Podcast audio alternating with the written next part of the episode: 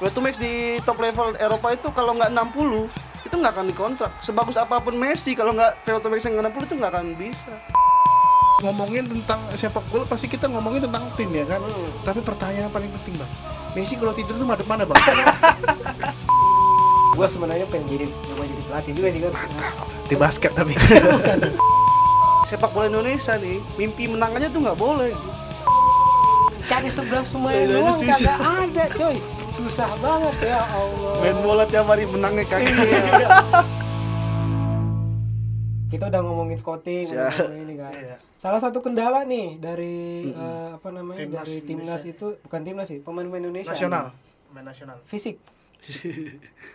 Kalau lihat kan kan itu biasanya VO2 Max eh, yang gua yang paling bagus yang gue tahu itu Eva- Evan Dimas. ya. Nah, sebenarnya apa sih Bang selain VO2 Max penilaian-penilaian dari dari seorang pemain yang punya fisik yang bagus untuk siap bertanding?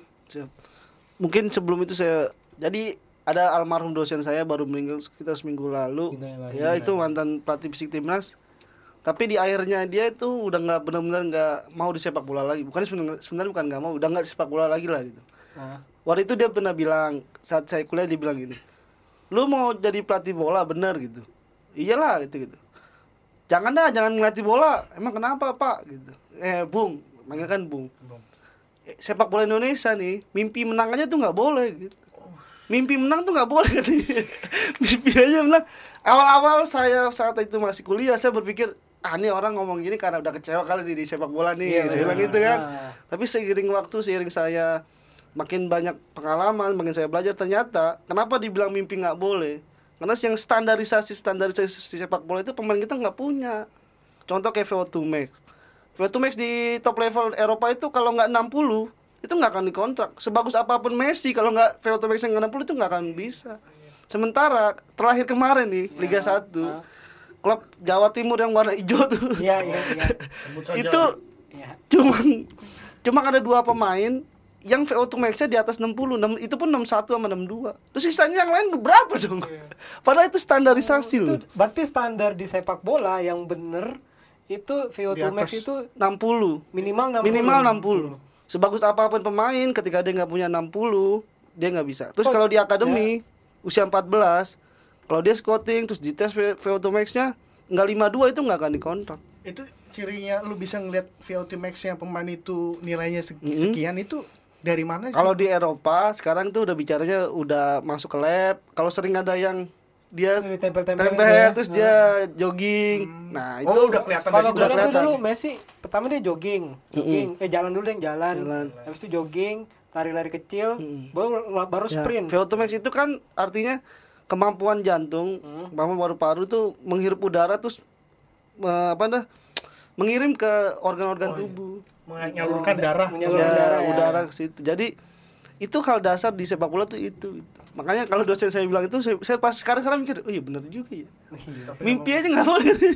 Berarti selain VO2 V- VO2 Max nih, Mm-mm. ada lagi nggak sih? Ada masa otot, Nah, terus masa otot itu kita bahas satu-satu ya. Ya. Masa otot itu eh, ada nilai minimal maksimalnya nggak? kalau sebagai itu pemain bola ya Mm. Bi- pertama ya, ya sebenarnya bisa dilihat gampang aja gitu. Kira-kira posturnya gimana? Ototnya ada atau enggak? By mata itu sebenarnya bisa kelihatan. By mata ya, by mata itu udah bisa kelihatan. Tanpa harus kita benar-benar ukur ukur lingkar ototnya segala macam. Itu udah bisa kelihatan banget gitu. Nah kan kalau kalau kita lihat nih ya perbandingannya tuh jauh banget. Kalau di level Asia eh postur pemain timnas, Hmm. pemain Indonesia sama postur pemain Jepang itu eh, secara secara apa ya? Secara pandangan sebenarnya nggak jauh beda nih. Tapi ketika dilihat detail, Hmm. dilihat secara jarak apa eh, jarak dekat itu sangat ada perbedaannya banget tuh, ya kan? Nah, maksud gua eh, di di level kita nih, gym, Mm-mm. eh, terus apalagi ya, eh, ya gym lah, Mm-mm. gym, Eh, gym itu di di di dikasih porsi latihannya kayak gimana sih sebenarnya? itu balik lagi sebenarnya ke training ground itu ya. Kalau padahal udah sering udah banyak loh video-video latihan klub itu Hmm. di share gitu. Jadi kalau di luar itu ada yang namanya tuh prevent injury. Sebelum kita masuk lapangan itu kita masuk gym dulu. Untuk kita nge-gym dulu tuh, ya? nge-gym dulu, nge-gym, nge-gym, nge-gym, nge-gym. Bis itu rest sebentar, jalan ke lapangan baru latihan. Itu selalu dilakukan. Ada Bahkan kemarin tuh eh, Inggris di Euro itu dia cuma punya rest lima hari. Hmm. Itu ada videonya di YouTube. Kita bisa lihat loh. Rest cuma punya rest lima hari, dia nge-gym. Kalau di pikiran kita kan anjir besok udah mau main nih masih nge-gym aja. Nonton Karena itu udah kalau udah bagian dari situ. Contoh kalau dibilang pemanasan orang luar ya nge-gym. Iya. Ya itu makanya di kita kapan di mana. Jadi kalau ternyata benar-benar lucu lah. Eh, terakhir dia emang si ini Bang Asel juga pemanasan tapi nonton Biga Hot. Sekarang nih, kalau di kita di gini deh. Latihannya di Sawangan, eh, jangan Sawangan. Depok, Lat- Depok. Ya, latihannya di Sama aja. Depok. Nah. Ngejimnya di Bogor. Jadi kalau ngejim ngejim latihan latihan beda terpisah gitu. Karena nggak punya tempat sendiri. Iya, itulah berarti balik lagi ya ke training groundnya itu ya Fasilitas. Kita- fasilitasnya masih kurang ya Ya. Belum memadai lah gitu ya. jadi gue juga pernah dengar nih coach kalau eh, ini gue gue baru lihat ada postingan di IG eh, salah satu akun fanbase lah Hmm. Itu postingnya gini eh ya kenal tadi kita ngobrolin gym ya asistennya Sintayong man nggak tahu mantan atau masih asisten ya dia ngomong kalau eh, waktu di Thailand Hmm. lagi lagi eh, mau tanding nih itu para pemain ngeluh karena eh, terlalu banyak nge-gym. Ya. Nah, maksud gua apakah memang setidak tidak tidak pernah dikasih tahu kah apa eh, bagaimana gitu. Ini ini jadi kita jadi apa yang gua tahu nih yang eh, sore eh pagi latihan nih. si- eh, siang nge-gym. Hmm. Terus sore latihan lagi, malam nge-gym lagi. Hmm. Nah, sepenting itu nggak sih? Sepenting itu kah nge-gym gitu Iya. di, di di kita sebagai se- seorang pemain sepak bola gitu. Nah, sangat penting ya karena kalau sekarang itu ada metode namanya prevent injury. Hmm. Jadi bagaimana lu mencegah cedera? Ternyata pemain yang mencegah cedera itu bukan dengan banyak pemanasan. Jadi pemanasan 30 menit sama pemanasan 10 menit itu sama fungsinya. Oh gitu. Jadi bagaimana lu mencegah cedera lu mengkuatkan otot lu. Itu makanya sebelum latihan pemain-pemain itu masuk ke gym. Jadi namanya itu metode prevent injury itu. Di kita yang tadi saya bilang punyanya cuma lapangan. Kalau nyewa gymnya jauh. Masa masa nge-gym dulu naik bis tiba-tiba baru latihan. Baru tidur. Mager sebelum nyampe nge-gym udah kuat dulu. Ternyata jalan jalan ke sana ya. Jalan kaki. Iya bener. Jalan kaki. Nge-gym kagak, gempor iya. itu kan salah satu yang dikeluhkan Sintayong juga. iya betul betul. Itu itu yang jadi keluhan banget. Iya. Kata dia saya mau nge-gym di mana di sini tuh kurang banget tempat nge-gym. Ada tempat gym alatnya kurang. Ada lagi tempat gymnya alatnya kurang. Sama ya. Sama ya. Itu obrolan gua tadi. Lu mau ngejok cuman Nanya dulu apa? Bapak kerjanya apa di sini? Nanya dulu nanya. Dari tadi saya pun yang nanya ini. Saya kebiasaan bahan ini. Bang, eh, gue mau nanya nih. Hmm. Di dalam di dalam apa ya? Di, la- di dalam eh, official dalam sepak bola itu yang kayak tadi Abang bilang dari dasar segala macam pasti akan ada yang namanya eh, apa ya? Apa yang kita makan? Nu- Nutrisi, Nutrisi. apa? Nutrisi apa yang kita makan? Kayak misalnya pemain timnas kita eh, Abang tau nggak yang di dalam yang harus dimakan se- eh, sebagai seorang atlet sepak bola? eh, ada nggak kayak mungkin empat sehat lima Andrain Rebon kayak gitu itu ada nggak sih bang ada nggak sih Pasti ada. Itu pemahaman yang dasar banget ya itu. Dari- Contoh dari kayak sekarang di SSB nih gitu, di Asiana gitu anak kecil. Nggak usah nggak usah ribet-ribet gitu. Kasih taunya itu aja dulu. Kamu kalau makan harus ada harus empat sehat lima sempurna. Empat sehat lima sempurna, empat sehat. Itu dulu di, dikembangin di mindset dia tuh. Saya kalau makan terus ada ini, ada ini, ada ini. Udah itu dulu gitu. Nah nanti sebenarnya balik lagi ke fasilitas sih saya bilang. Sorry to six ini. Kita bilang hari ini makan steak, Hmm.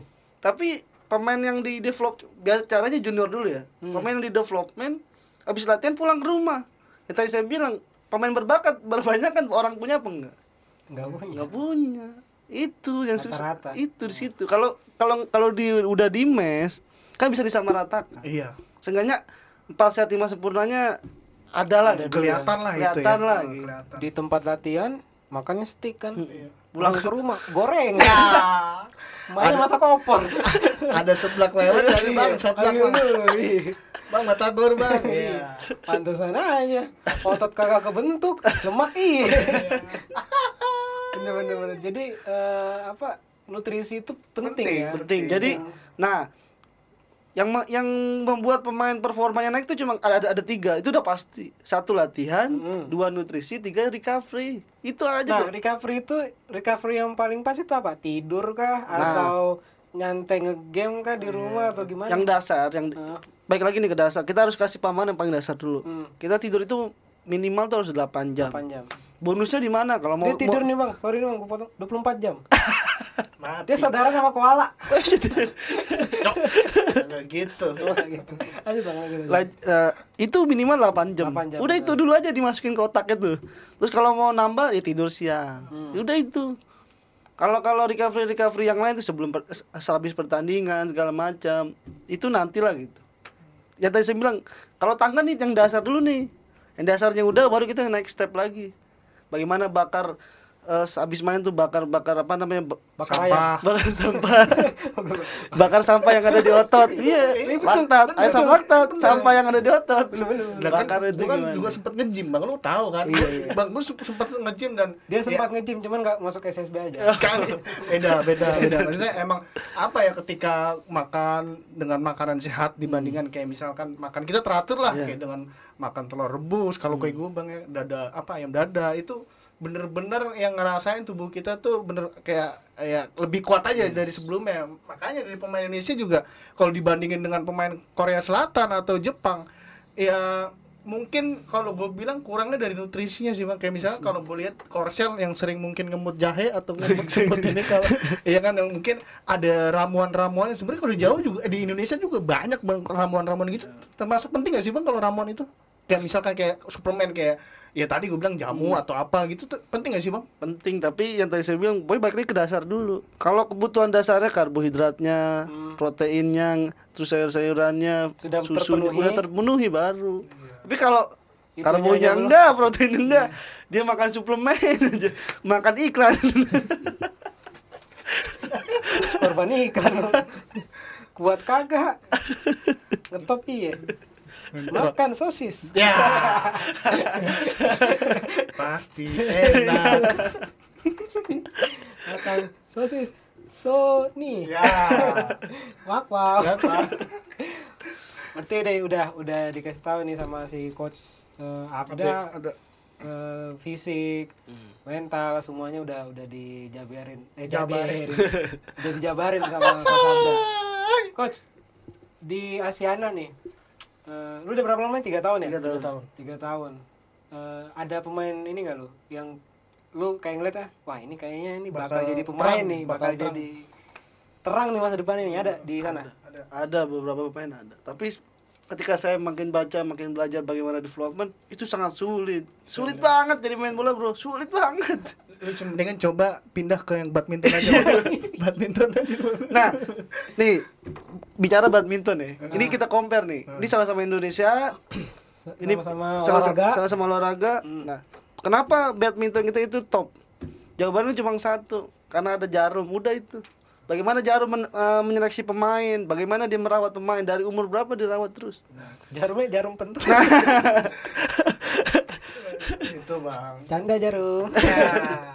Eh, kalau kemarin tuh kalau bicara kita lihat track record lah. Hmm. Eh, pasangannya Gracia Poli siapa tuh yang Si itu. orang Bima eh, aduh. Aduh, iya lupa juga. Graciana Poli sama yang kemarin dapat emas Iya, Olimpiade iya, lah. iya, pokoknya itu. itulah pasangannya si itu Graciana Poli. bapaknya bilang saat dia umur 7-8 tahun sebelum dia ikut seleksi itu itu nggak punya raket sama sekali Enggak punya raket. nggak punya raket. Dia tuh pakai raket yang buat gebuk.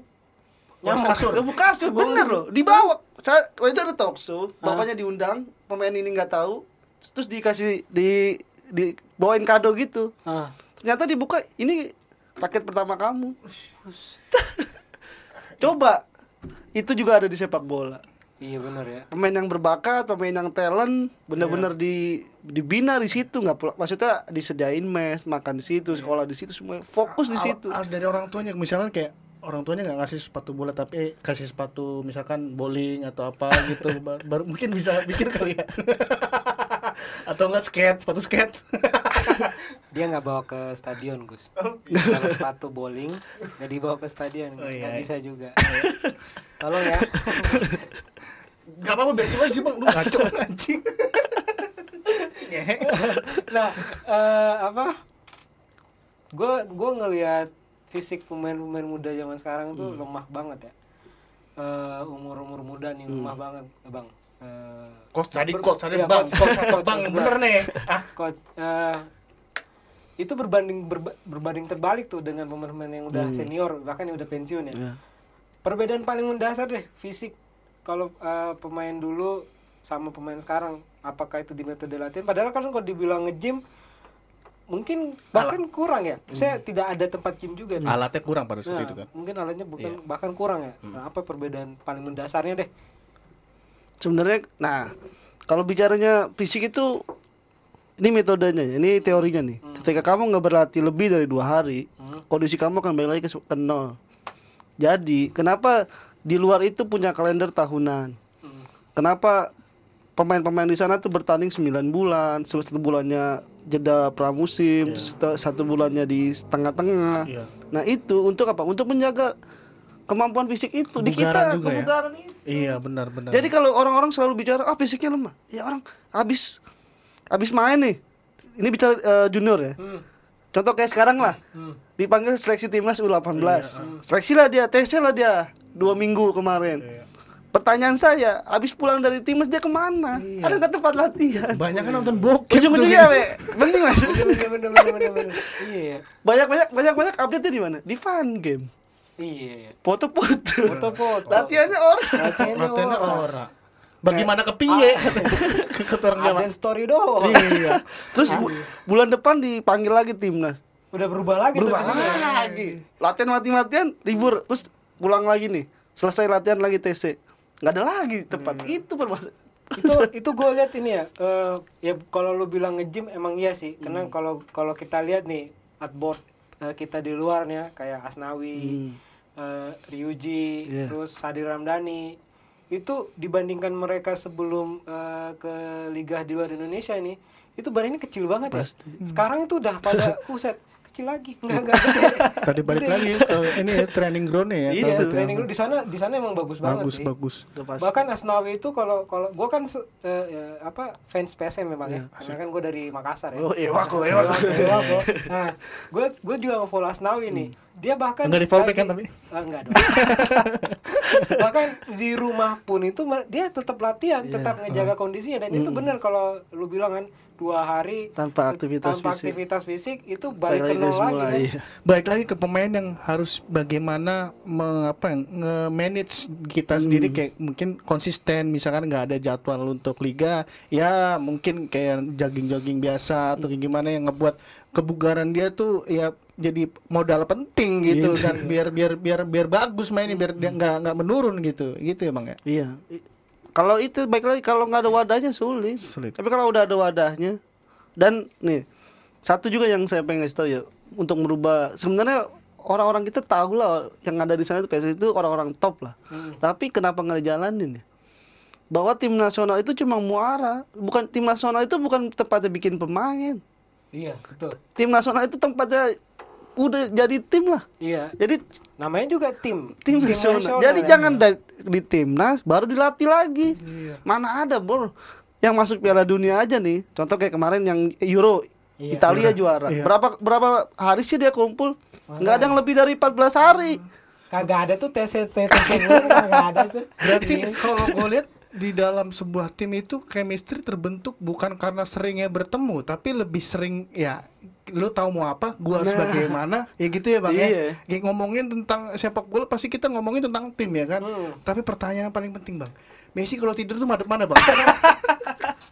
itu juga penting dongak kayak dongak ya begini Gak kelihatan loh. oh iya iya kan di podcast ya bukan Iya, gua.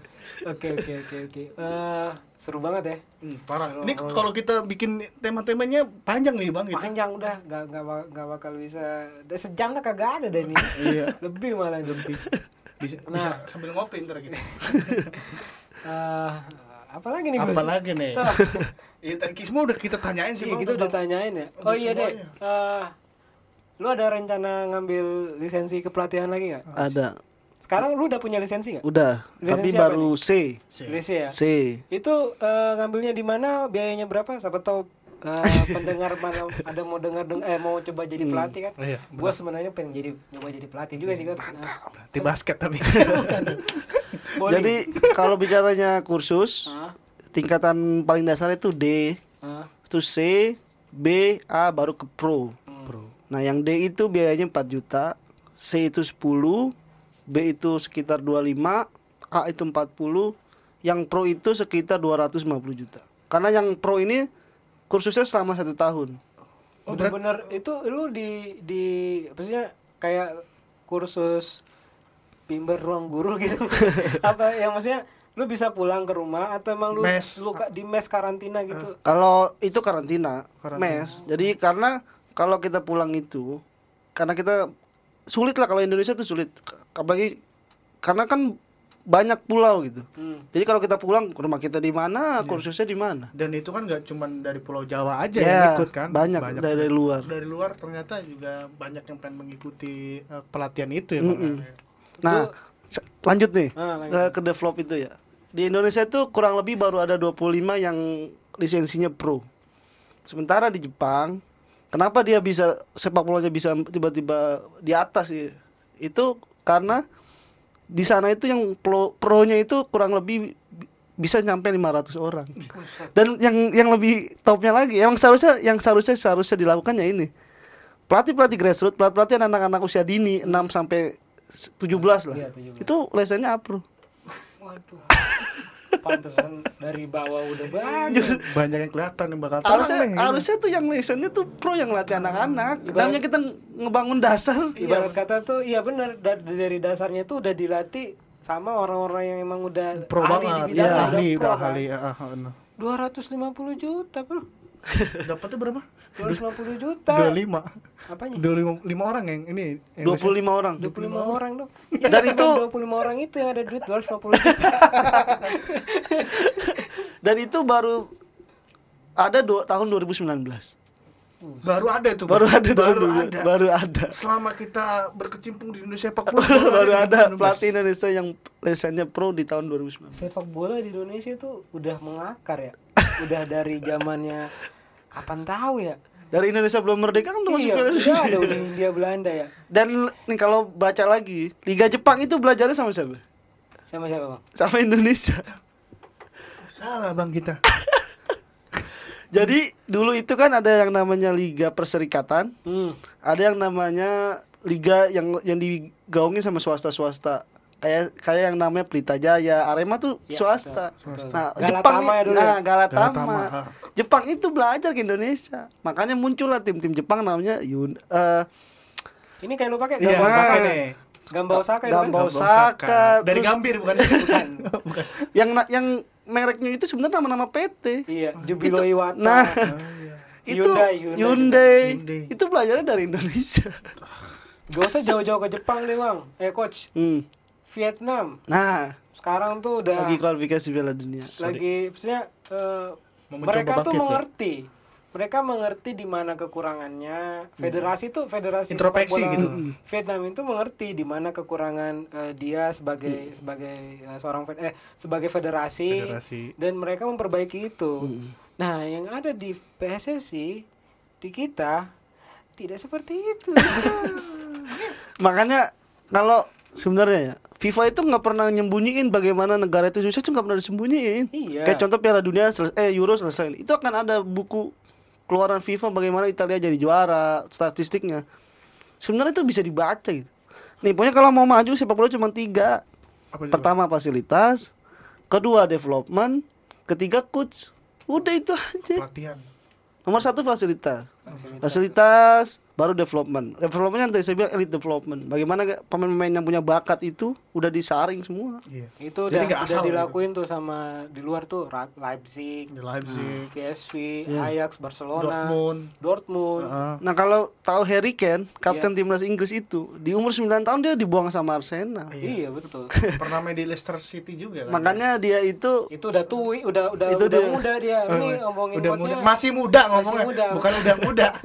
makanya ini yang kalau bicara elite development tuh itu. Ketika pemain 9 tahun pun yang masih anak-anak gitu. Ketika dia nggak berkembang dia akan dicoret 9 tahun. Kalau di kita ah ini anak-anak kasihan banget lu, Iya. punya hati. iya, iya, iya itu. Padahal antara olahraga dan ya emang ada ada hubungannya Nah. cuman ketika proses penyeleksian itu tidak boleh pakai hati. Yes. mental mental kayak gitu harus dihilangin tuh gitu bang jangan ngerasa kasihan Eh, memang kayak gue contohnya emang kayak ketika ngeliat ini kasihan banget padahal dia salah kayak dia dia bang lagi deket cewek dia dia ngerasa ini ini nggak bukan punya gue tapi tetap dikejar sama dia Kenapa orang banyak kecewa di se- di olahraga khusus sepak bola? Karena yang tadi saya bilang tuh, elite development sama grassrootsnya itu nggak jadi satu gitu.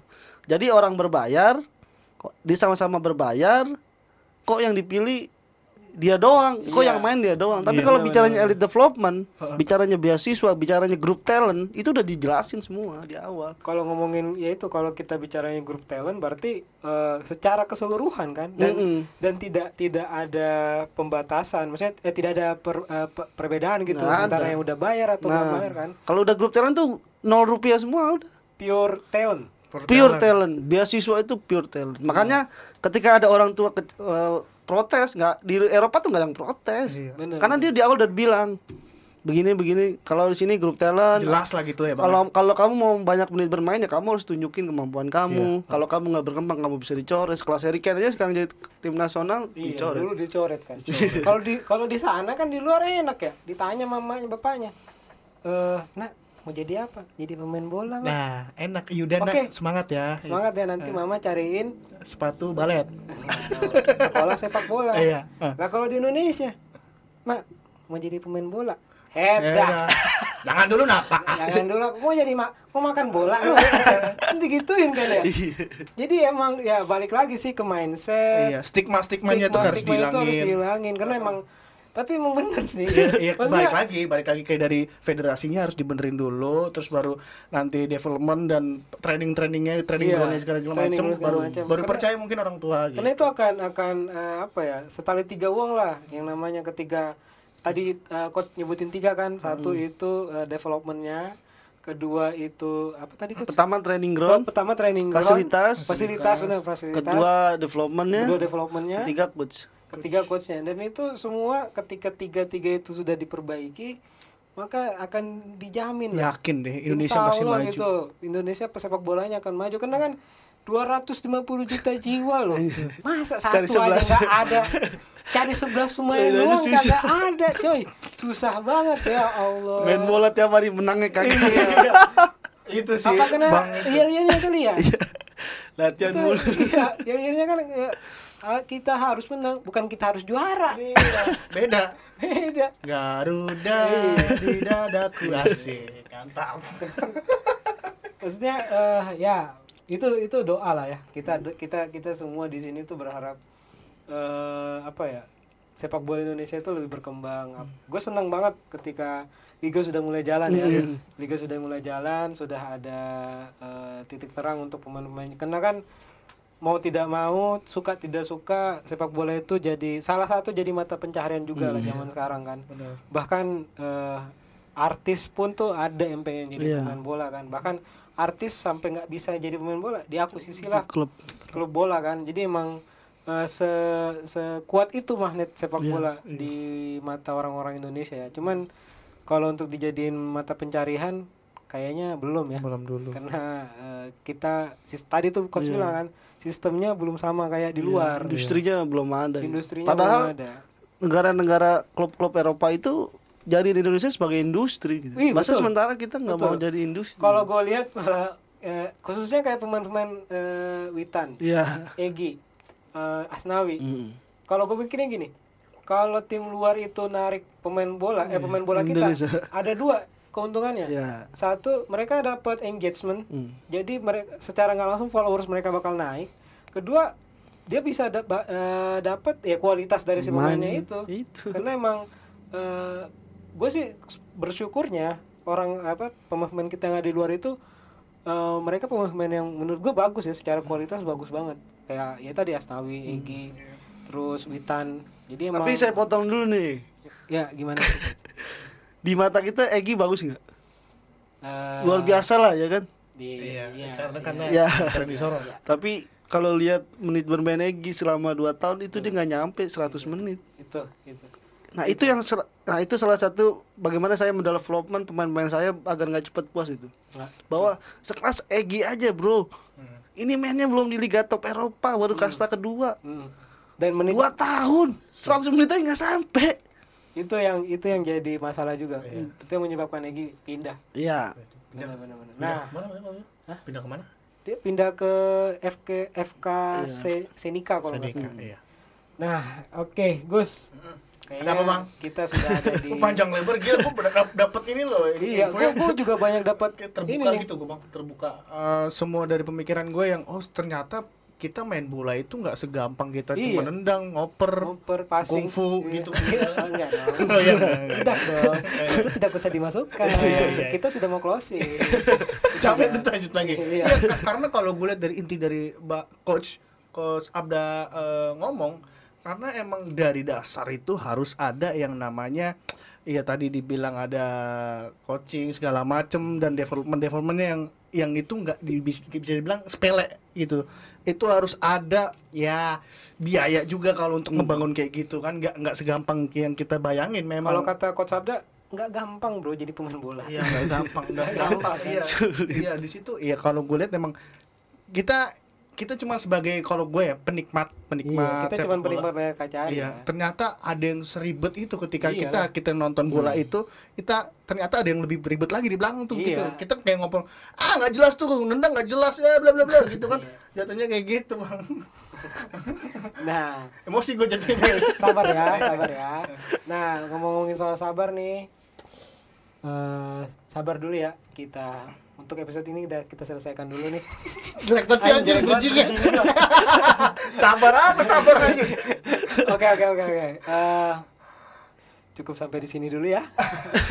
Makasih bang. Sedikit- Siap, sama-sama. Terima kasih coach. Siap, sama-sama. Sudah mau hadir, udah meluangkan waktu. Terima kasih sudah mendapatkan gue dapat eh, pelajaran banyak dari lo bang. Gue juga dapat pelajaran banyak, banyak dapat insight baru, Iya, dapat pengetahuan baru. Nanti kalau misalkan kita undang lagi bisa lah bang ya. Bisa, Kita, aman aja kita itu. bakal ngomongin unpopular opinion lagi Iya, kalau iya. ngomongin eh, soal eh, di luar dari Di luar lapangan. di luar lapangan apa sih yang terjadi di, di belakang Iya. lapangan Hmm. kita pasti Masih banyak, padahal masih banyak. Masih banyak, Tapi masih banyak. waktunya kita nggak bisa nih. iya, betul betul oke Capek.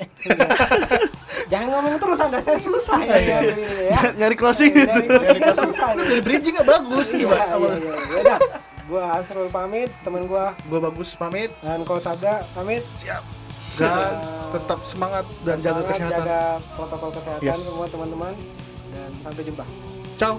Chao.